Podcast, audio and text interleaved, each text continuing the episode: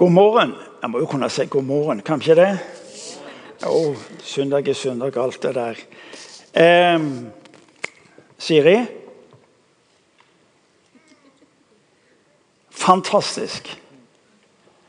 Jeg syns du skulle gi en skikkelig klapp for Siri. Um, veldig ofte så tror vi at i min kirke, og det, det, er de som du ser ansiktet oftest til, eh, de som er såkalt stabmenn Men denne kirka er egentlig et resultat av at mennesker eh, valgte å stå på og si vet du hva, jeg vil være en del av det Gud gjør i denne verden. Og det du gjør, Siri, er akkurat det. Både der ute, men også de mange hundre som er frivillige medarbeidere her i huset.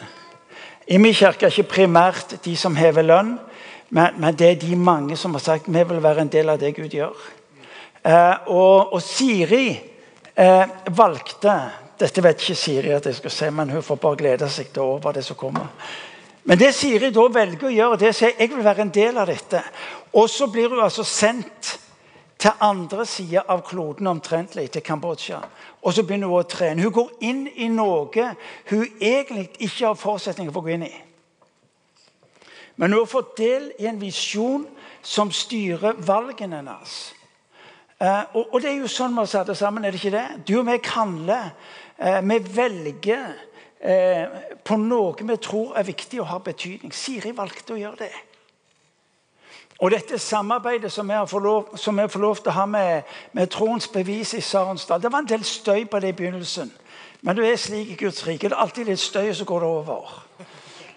Eh, og i dag er det en anerkjennelse på det fordi at eh, vi våger å se over grensene til de ulike arbeidslagene. Og så fikk Siri, med de hun tok med seg, eh, lov til å bety en dramatisk forskjell i menneskers liv på andre sida. Eh, og så får vi se så får vi se at mennesker kom til tro på Jesus rett og slett ved at det var noen som fikk hjelp til å få midler til å trene, lære opp, og så se eh, dette slå ned i stabile miljøer som huskirkene våre er. Eh, fenomenalt. Og du som kanskje sitter her og tenker jeg også kan tenke meg å være med på det. Det er noe i meg som har lyst til å sprenge noen av de der grensene, trygge grensene. Så er det som du så på den ene plakaten så så du at vi, vi, sier noe om et misjonskurs. Egentlig ville vi kalle det for misjonsskole, men da tenkte vi kanskje noen ble litt redde. Men misjonskurs, hvor du får på en måte se deg sjøl som en del av det denne menigheten representerer der ute. Ved at du tar med deg det som er ditt liv, det Gud har velsigna deg med, til å bety denne forskjellen så uh, gå tilbake igjen til misjonskurs. Kan jeg få lov til å være en som reiser ut med teamet som vi nå har? Ingen av de internasjonale teamene her nå, fordi de er rundt forbi uh, og har uh, kurs og har seminar rundt forbi på denne kloden. Så, så du er en del av en større historie, og du kan få lov til å bety denne forskjellen. Så velkommen er du til å melde deg på det arbeidet som vi driver der ute. Alt arbeidet som vi driver der ute, er det dere som sørger for at vi er i stand til å kunne gi. Rett og slett hva dere sier vi ønsker ikke bare å gi tid inn i dette, vi ønsker også å gi penger. Og Derfor har vi hatt denne giveraksjonen som, eh, som er slik at du utfordres. Du utfordres på å bety denne forskjellen i andre mennesker sitt liv. Du har hørt om penger. Og, og, og, Av og til er det slik at en ikke vil snakke for mye om penger. At det er jo helt meningsløst, for pengene styrer jo veldig ofte livene våre. Gjør det ikke det? Dønn ærlig, folkens. Du ser på hva du har på kontoen, og så tenker du nei, vi kan ikke denne måneden. Det får bli litt seinere. Ja, altså, det er det slik at Hvis jeg ønsker å, å, få være med på ting og se ja, Da kan jeg jo ikke la være å være med i givertjenesten. For nøkkelen til at du skal få lov til å være med og oppleve det som har betydning, og det som er gøy i livet, ja, da må du, da må du investere. Så hermed er du altså nå utfordra på La-aksjon, som vi har hatt i en måned, om å gi videre, om å gi. At det faktisk også får lov til eh, å, å, å, prege ditt liv. Jeg, har sagt, Irene og jeg har valgt å være veldig åpne på hva vi gjør. Og våre liv ville ikke vært det i dag om ikke vi bestemte oss for lang tid tilbake. Så vet du hva? Vi ønsker å gi først. Og nettopp ved å gi først og prioritere, når det hadde med å skulle gi, eh, ble en nøkkel for oss på å få lov til å se mye annet vokse fram av Guds velsignelse. Så kan noen si ja, men er det ikke egoistisk å skulle tenke på hva du kan få igjen. Jo, det er det, men det er greit nok. Hvis du og vi skal gå og vente på til vi har de absolutt helliggjorte motiver for det vi gjør, så blir det for noen av oss som måtte vente gyselig lenge. Er du enig i det? Ja. Så hermed er du gitt. Skal jeg øke? Ja, kanskje du skulle øke. Kanskje skulle du tenke vet du hva, jeg bruker altfor mye på meg sjøl. Når du med kommer hjem, så, så vil du bli blant annet Hva gjorde du med det jeg ga deg? Eller kanskje ja, jeg dro til. Ja. Han ber deg om å dra til.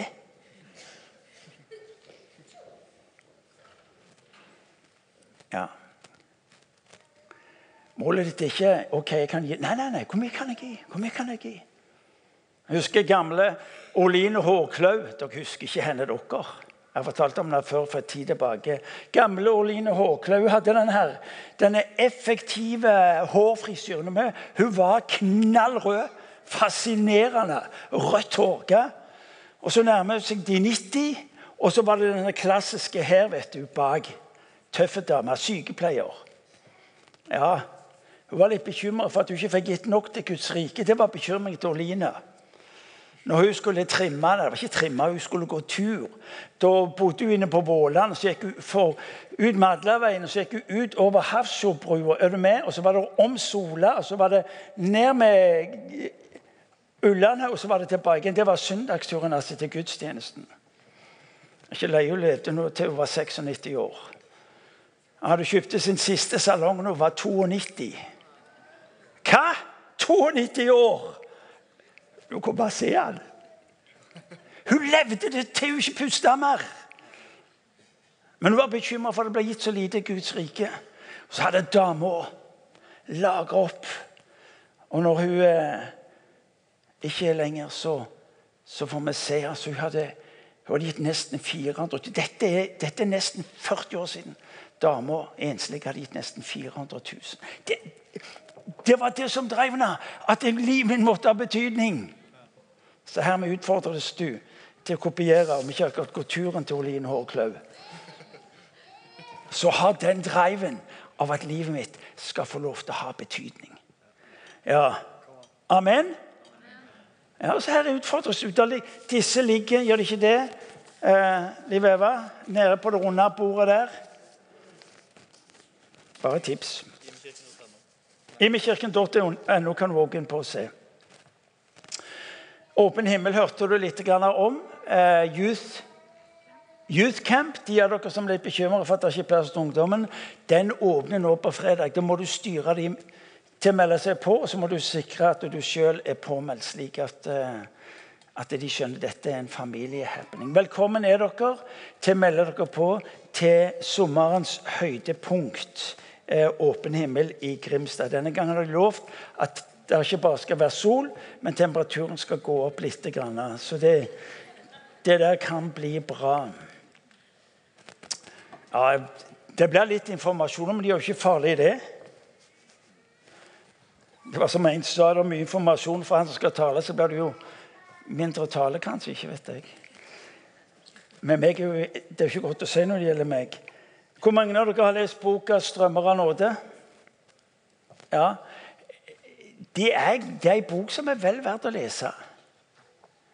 Den tar deg inn i dette enkle livet av å ville våge Gud eh, for livet sitt. Og eh, av og til som i tvil har Gud I en engelsk, amerikansk oversettelse så i Salmenes bok så, så står det i oversettelsen Gud, det er, det er lunsjtid. Det er på tide å stå opp. Det er henvendelsen til Gud. og det er fordi at Gud er jo litt, kanskje litt ofte taus. Denne boka er hjelp til deg å til For det første så er han ikke taus i vår tid.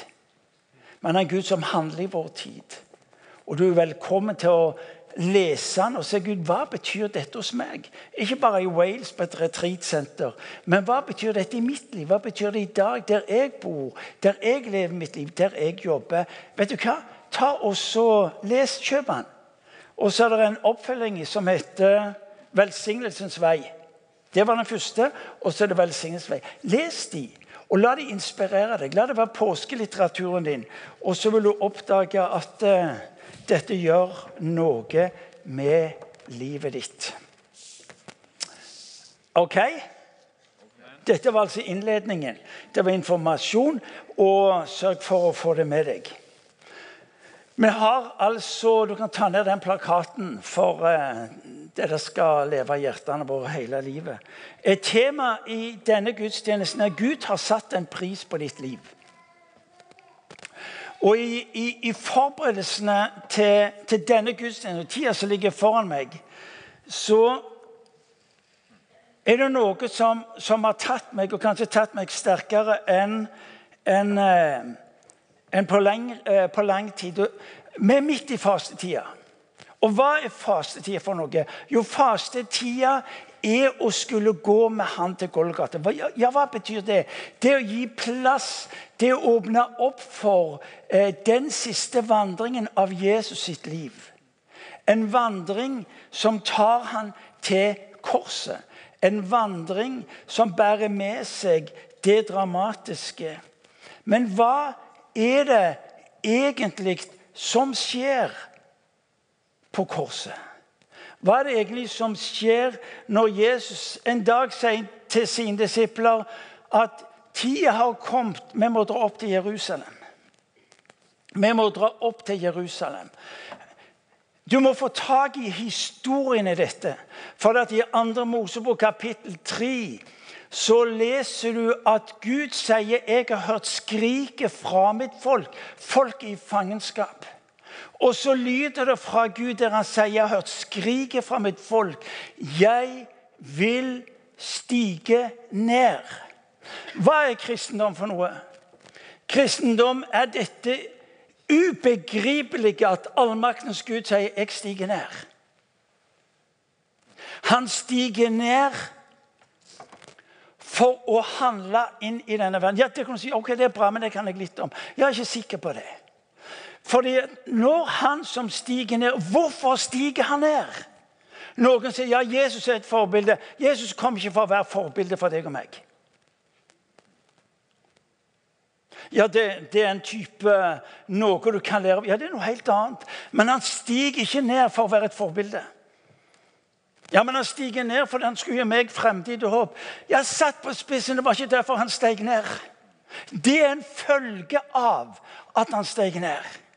Men han stiger ikke ned for at ditt liv skal bli bedre. Og Hvis ikke du og meg får tak i dette, her, så forskyver vi hovedpunktet, selve spissen i evangeliet. Hvorfor? Hvorfor steg han ned?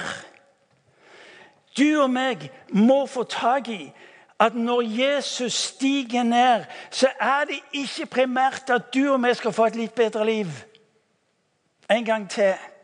Det er ikke fordi at du og meg skal få nye verdier for livet vårt. Det er ikke primært for at du og meg skal få et meningsfullt liv, et innholdsrikt liv. For hvis du gjør det til sentrum, da vil du hele veien måle din egen fremgang i forhold til nettopp den forståelsen. Og Dette er så viktig for oss å få tak i. Jesus stiger ned med ett primært mål, og det å dø. Alt annet er bonus. Alt annet er følge av at han stiger ned. Og hvis ikke du får tak i dette, her, vet du hva, så bommer vi. Og det blir på et vis som vi, vi halter i forhold til det som er hans begrunnelse. For når han velger å stige ned, så er det utelukkende for å betale en regning. Og denne regningen betaler han uansett hva mennesket velger å gjøre med det. Han velger å stige ned for å betale en regning. Bibelen kaller det for skyldbrev. Derfor kom han. Alt annet er bonus. For det handler noe om hva han gjør, ikke hva som er din respons. Han kom ikke ned primært for å få en respons. Han kom ned for å betale en regning. Og dette er så viktig for deg vi kan få tak i. For at du og meg står, Det er så besnærende for deg og meg å måle kristenlivet og, og hva, hva, hva, eh, hva, kristendom er i henhold til vår egen respons på hva han gjorde. Han steg ned uten å forvente noen ting tilbake. Det er evangeliet sin rå form. Det er kjærligheten sin rå form.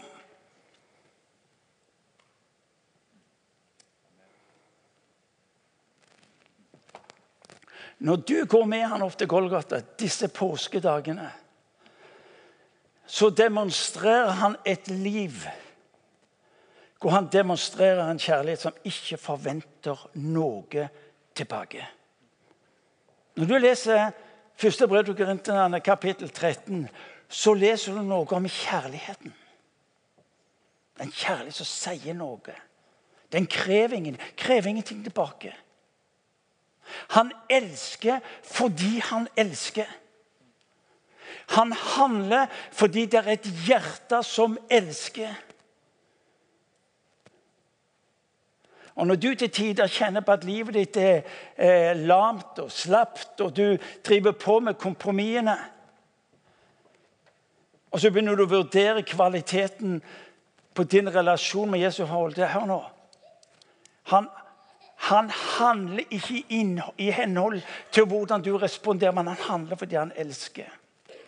At han tør Ja, Det er noe helt annet. At han tør.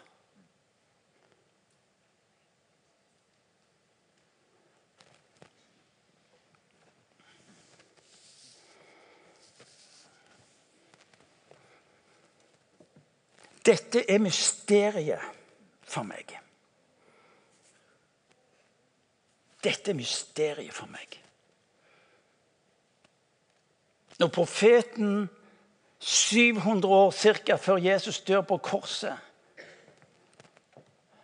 pensler ut om denne Messias som skal komme,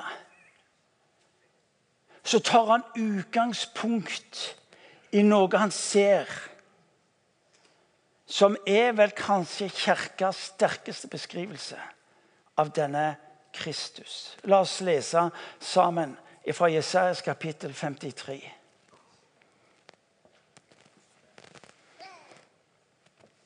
Hvem trodde La oss lese det sammen. Vi har godt av å lese høyt sammen. for det, det, gjorde han mye mer før. også. egentlig er pinsevennene mye bedre på det enn oss. Hvem trodde budskapet vi fikk? Hvem ble Herrens arm åpenbart for? Han skjøt opp som en spire for hans ansikt, som et rotskudd av tørr jord. Han hadde ingen herlig skikkelse vi kunne se på, ikke et utseende vi kunne glede oss over. Han var foraktet, forlatt av mennesker, en mann av smerte, kjent med sykdom, en de skjuler ansiktet for. Han var foraktet. Vi regnet ham ikke for noe. Sannelig, våre sykdommer tok han, våre smerter bar han. Vi tenkte han er rammet, slått av Gud og plaget. Men han ble såret for våre lovbrudd, knust for våre synder. Straffen lå på ham. Vi fikk fred. Ved hans sår ble vi helbredet. Vi gikk oss alle vill som sauer. Hver tok sin egen vei. Men skylden som vi alle hadde, lot Herren ramme ham. Han bar vår synd. Han bar våre sykdommer. Eh, la, la oss bli litt til i denne teksten. Fordi denne teksten sier oss noe om hva som skjer med denne Kristus når han henger på korset. Da står han hadde et utseende som vi ikke hadde behag i. Når Kristus henger på korset, så har han ditt utseende. Han har ditt utseende. Den du ser henger på korset, har ditt ansikt. For det står han ble gjort til synd. Han ble Martin på korset. Han ble Bjørn på korset. Han ble Siri på korset. Han ble ikke bare sånn en Det stedfortredende betyr ikke bare at han tok min plass. Han ble meg. Han ble meg.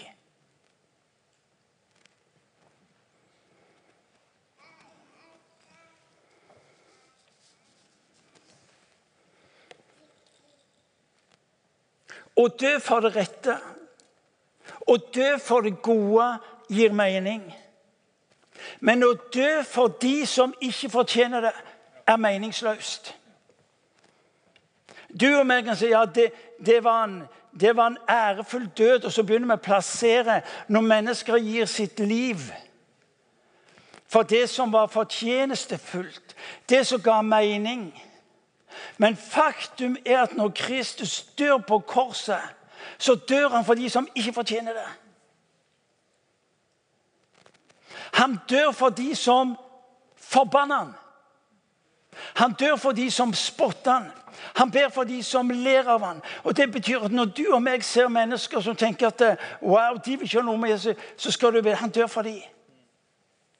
Det er ikke slik at han går rundt og så samler han inn eh, eh, meninger og sånn type spørreundersøkelse. Hvis jeg dør, vil du Nei.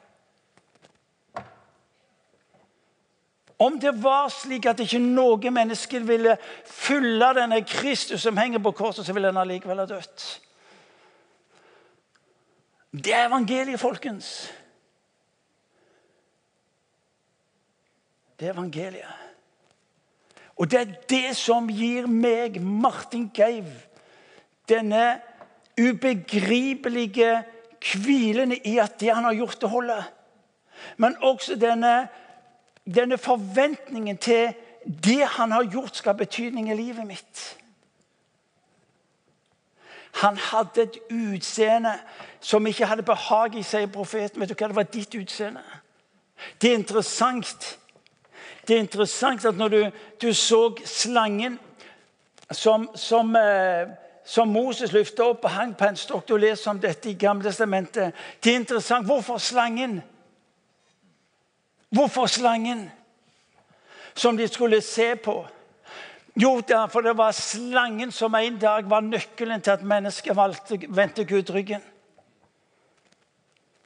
Og så gjør Gud dette det som du egentlig ikke får tak i. Men når han så skal bringe sitt evangelium til mennesker, så er det nettopp slangen. Utseendet av slangen. Groteskheten. Vet du hva? Denne Kristus fremtrer på korset som slangen. Som en dag forleder mennesket. Folkens, det er, det er summen. Det er summen av det denne Kristus han, Hør nå. Det er ikke slik at han tar plassen for oss. Han blir som oss. Ser, ser, du, ser du hva som skjer? I hagen, når kvinnen blir overtalt, så er det slangen som fremtrer. Men når Kristus skal ta din og min plass, så blir han ikke bare lagt på synd det som er denne verdens, men han blir som denne verden. Så er altså denne verdens synd som bilde på den slangen som en dag forleder mennesket. Hvorfor slangen på stokken i, i, i, ørkenen? Jo, for det var slik Gud så han. Det var slik Gud så han. Han hadde ikke, Kristus var ikke vakker der han hang på korset. Men han var sånn som deg og meg. Summen av alle mennesker. Summen av synden, smerten i denne verden. Han tok din og min skyld. Og, og når det er bildet jeg møter mennesker som sier Gud er kjærlig, Gud gjør det nok godt til slutt å slippe alle mennesker inn. Det er klart Han slipper ikke alle mennesker inn i himmelen. For hvis han skulle ta denne verden å være såkalt kjærlighetsfull og ta alle mennesker til himmelen, ja, så ble himmelen et nytt helvete. Er dere med meg? Altså, ja, men Gud, Gud jeg, jeg satt i en begravelsessamtale. Eh, jeg var nyutdanna og var ordinert. Og kom i et, i et sånn et eh, Jeg skulle ha en begravelse. Og der sitter jeg med mennesker som eh, de På den ene sida har de sorg, og på den andre sida er de opptatt med et veldig bestemt budskap. og det, Nå forteller du at han ikke var verre enn andre. Og at Gud kommer helt sikkert til å slippe han inn. Og der satt jeg og tenkte ja, Hva sier jeg nå for noe?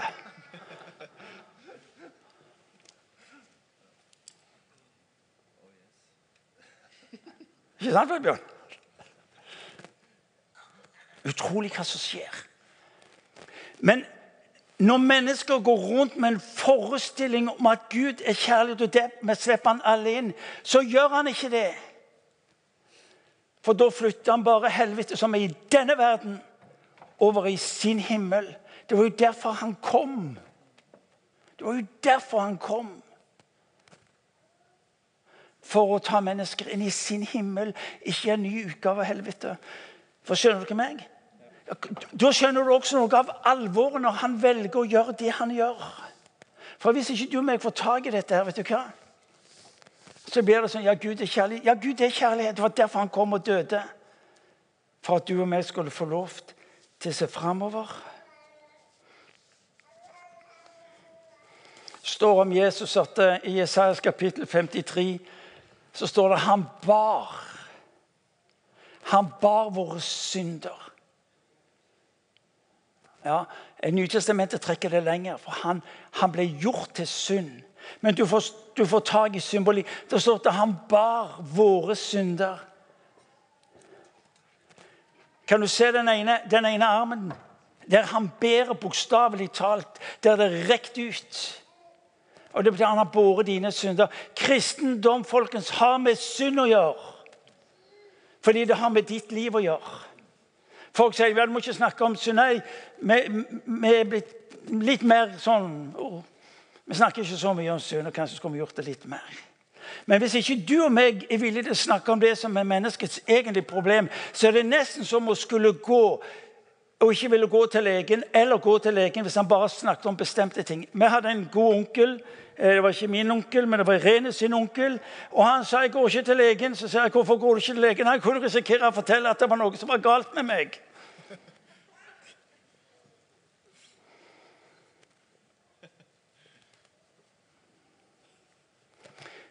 Hør nå. Det er altfor mange som ikke ønsker at Gud skal tale ærlighet og sannhet i sitt liv. For han kunne risikere å peke på ting i livet som jeg ikke ønsker å høre. Men det ville jo være, vil jo være dypt tragisk hvis det viser seg at det var ting Hvis jeg var syk, at legen enten overså det eller lot være å si noe om det, for han ville ikke uroe meg.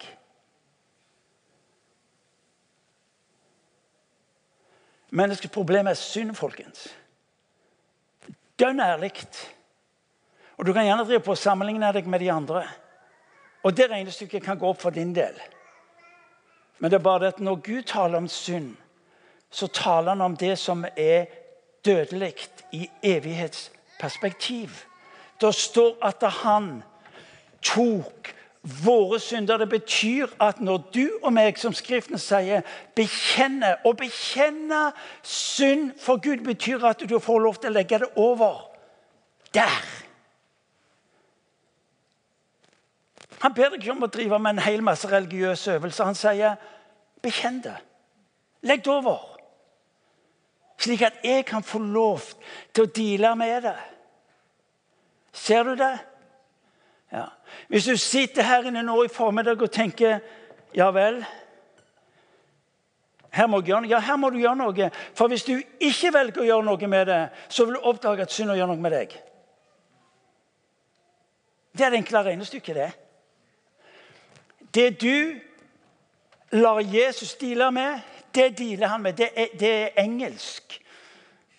Og det betyr å gjøre noe med. Det han får lov til å gjøre noe med, det gjør han noe med. Det du velger å gjemme bort og ikke ta på alvor, det er det du som må deale med. Bless you. Det blir litt av et kjør. Og så meningsløst når han har sagt Når han har sagt Jeg har tatt det. Kom til meg. Så det står at han bar våre sykdommer Han bar våre synder. Vi må lese det litt en gang til, for vi er jo litt sånn halvtrege, er vi ikke det? Hør nå.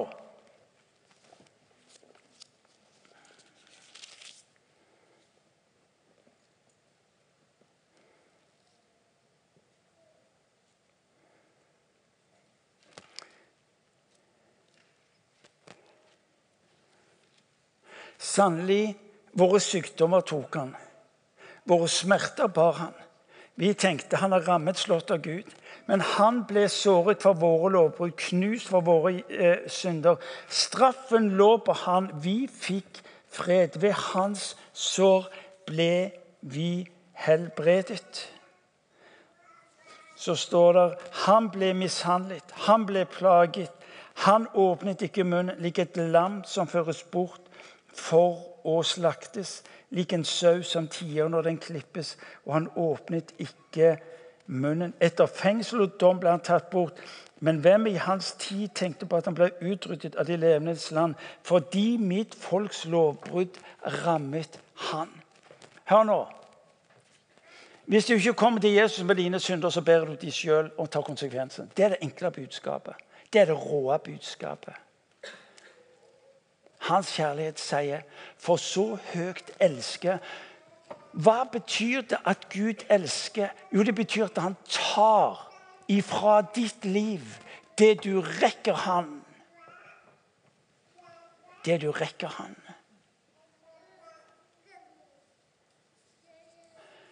Han bar våre synder, og han bar våre sykdommer.